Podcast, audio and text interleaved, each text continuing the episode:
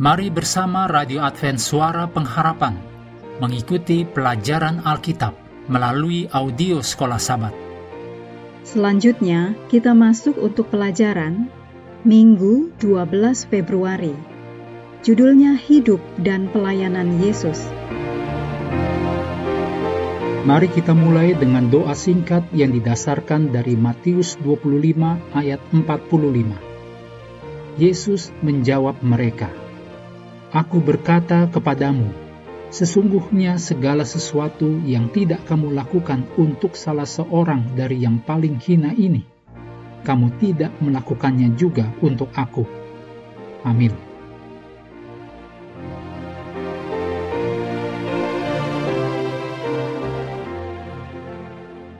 Pada awal pelayanan Yesus kepada masyarakat, dia, yaitu Yesus, berjalan ke Nazaret di wilayah Galilea ini adalah kampung halaman Yesus, dan penduduk setempat telah mendengar pekerjaannya dan mujizat-mujizatnya.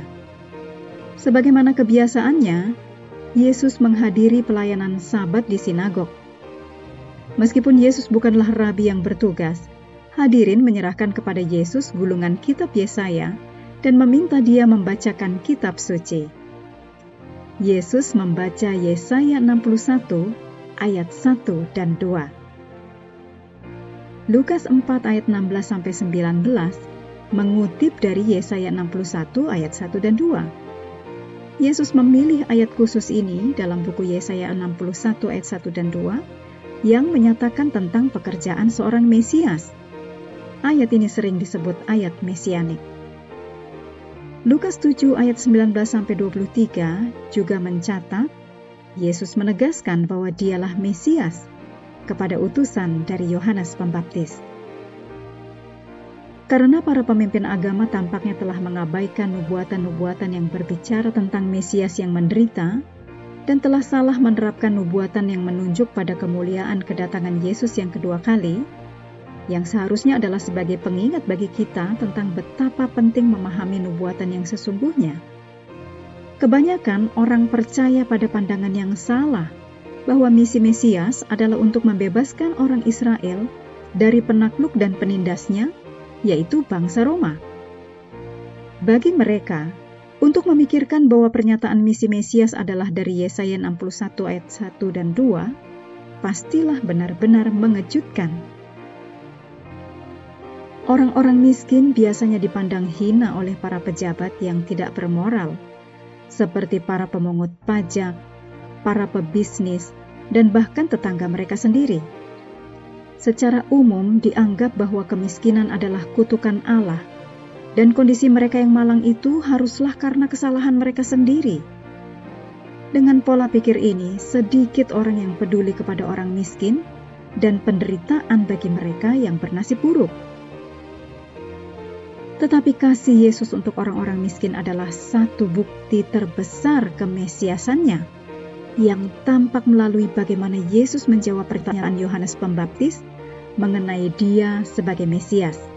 Dicatat dalam Matius 11 ayat 1 sampai 6. Berikut ini kutipan dari Alfa dan Omega jilid 5 halaman 223. Sama seperti murid-murid juru selamat, Yohanes Pembaptis tidak memahami sifat kerajaan Kristus itu. Ia, yaitu Yohanes, mengharapkan bahwa Yesus akan mengambil tahta Daud.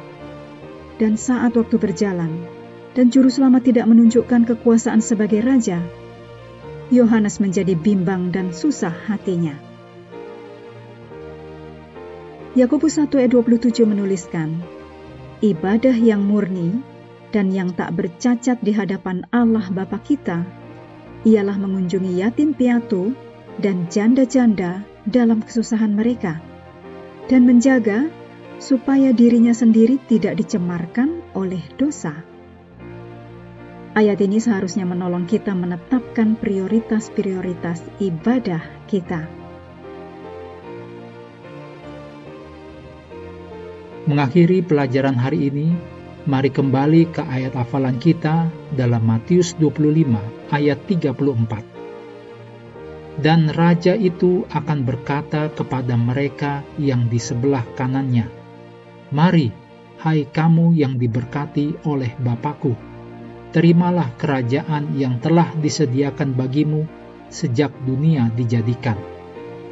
Kami terus mendorong Anda untuk mengambil waktu bersekutu dengan Tuhan setiap hari, bersama dengan seluruh anggota keluarga, baik melalui renungan harian, pelajaran sekolah sahabat, juga bacaan Alkitab sedunia percayalah kepada nabi-nabinya, yang untuk hari ini melanjutkan dari 2 Tawarif pasal 28.